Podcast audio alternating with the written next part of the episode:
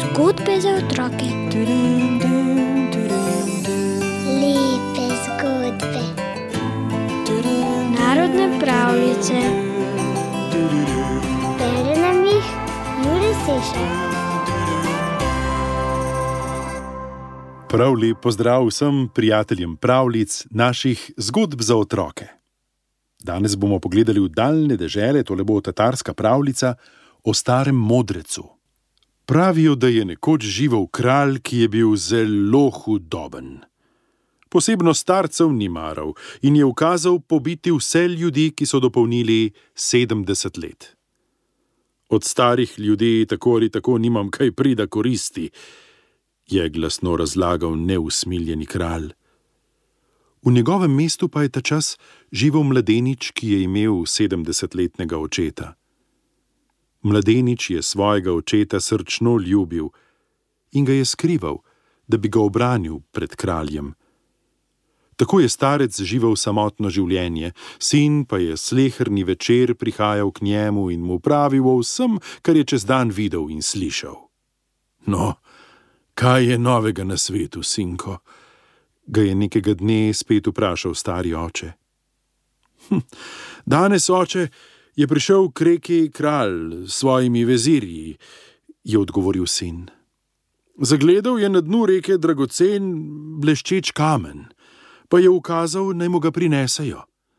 Potapljači so se drug za drugim potapljali, a na dnu reke niso ničesar našli. Brž pa, ko so stopili na breg, so spet videli, kako se na rečnem dnu blešči dragoceni kamen. Ne kralj, ne njegovi pomočniki ne vedo, kje natančno leži dragulj. Pa raste ob reki morda drevo? ga je vprašal oče. Da, je odvrnil sin. In njegove veje segajo prav nad reko, tja, kjer je kralj zagledal dragoceni kamen. Si mar opazil na tem drevesu gnezdo? Sem. A tako, je prepričljivo rekel starec. Torej, poslušaj me. Dragulj ne leži na dnu reke, pač pa v ptičjem gnezdu na drevesu. Kar se v vodi blešči, je le njegov odsev.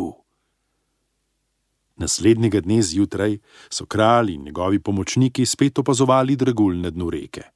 Potapljali so se znova, drug za drugim, kamna pa nikjer. Kralj in vezirji so stali, ne da bi mogli kaj razumeti. Takrat pa je pristopil mladenič, se kralju globoko priklonil in rekel: O, veliki vladar, dovolite mi besedo, ne iščite dragulja v vodi, pač pa na tem drevesu. Na drevesu je ptičje gnezdo in v njem mora biti dragocen kamen. Kralj je le z obrvjo zmignil in že so se vezirji spravili na drevo. Naslednji hip pa res prinesli dragoceni kamen, ki je bil velik, kakor gosje jajce. Kralj se je silno začudil. Pravite, da ste učeni, je pokaral svoje pomočnike. Pokazali pa ste se bolj bedasti od tega le mladeniča. Kdo pa je tebi povedal? je vprašal mladeniča. Ta pa mu je odvrnil: Nihče, sam sem uganil. Vezirji so komaj prikrili zavisti in sklenili, da se bodo odkrižali mladeniča, ki je pred kraljem prinesel to sramoto, ki je zasijala na nje. Šli so torej k njemu in mu rekli: Ta fant se hvali, da more razrešiti vsako uganko. Dovoli, da mu pokažemo dva enaka žrebca.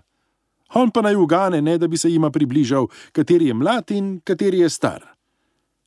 Kralj je brž privolil. Dal je poklicati mladeniča in mu rekel: Jutri ti bomo pokazali dva enaka žrebca. Ti boš pa uganil, kateri je star in kateri mlad, ne da bi se ju dotaknil.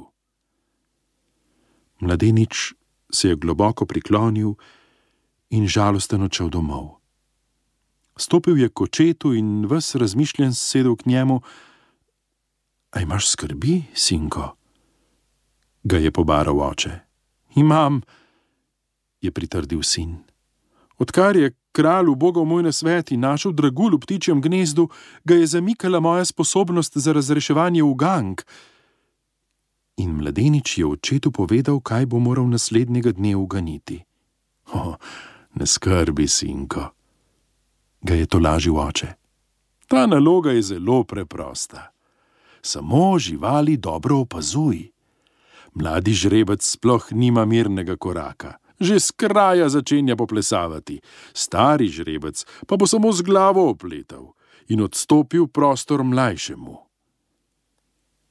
Ko je drugega dne prišel mladenič v palačo in so bili vsi zbrani, so na kraljevi znak privedli dva enaka žrebca.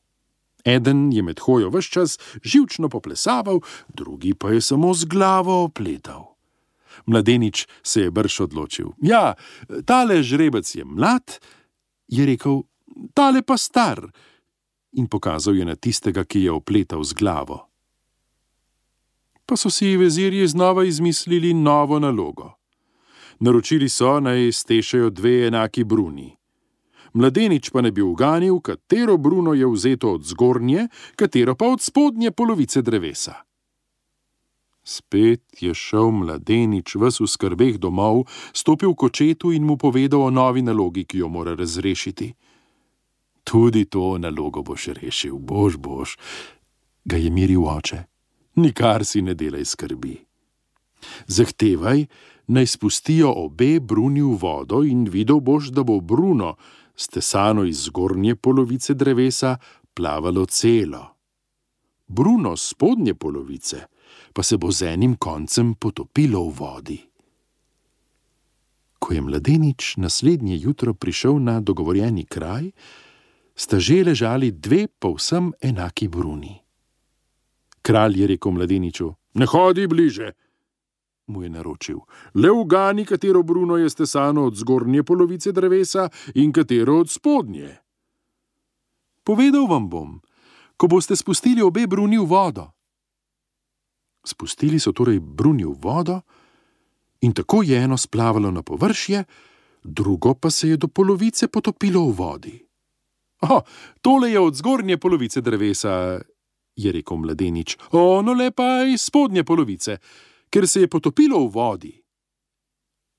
Kralj se ni mogel načuditi mladeniču in ga je vnovič vprašal: Pa kdo te je tega naučil? Sam sem uganil, je ustrajal mladenič. Ni res, je rekel kralj. Premlad si še, premalo učen, da bi vse vedel.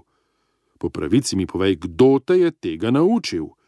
Če ne boš povedal, te bom kaznoval. Naj bo, kar mora biti, si je mislil mladenič. Bom pač povedal vse po pravici. Oče me je naučil, je priznal. Oče, ki je pravkar dopolnil sedemdeseto leto, ki ga skrivam, da bi ga rešil smrti.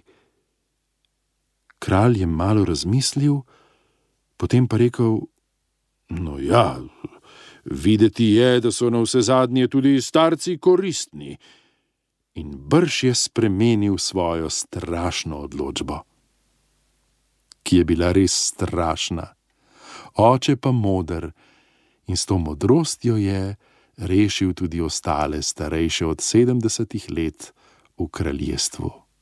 Lepa zgodba, prav lepa hvala tudi za vaše poslušanje. Vse dobro vsem in nasvidenje z naslednjo pravljico.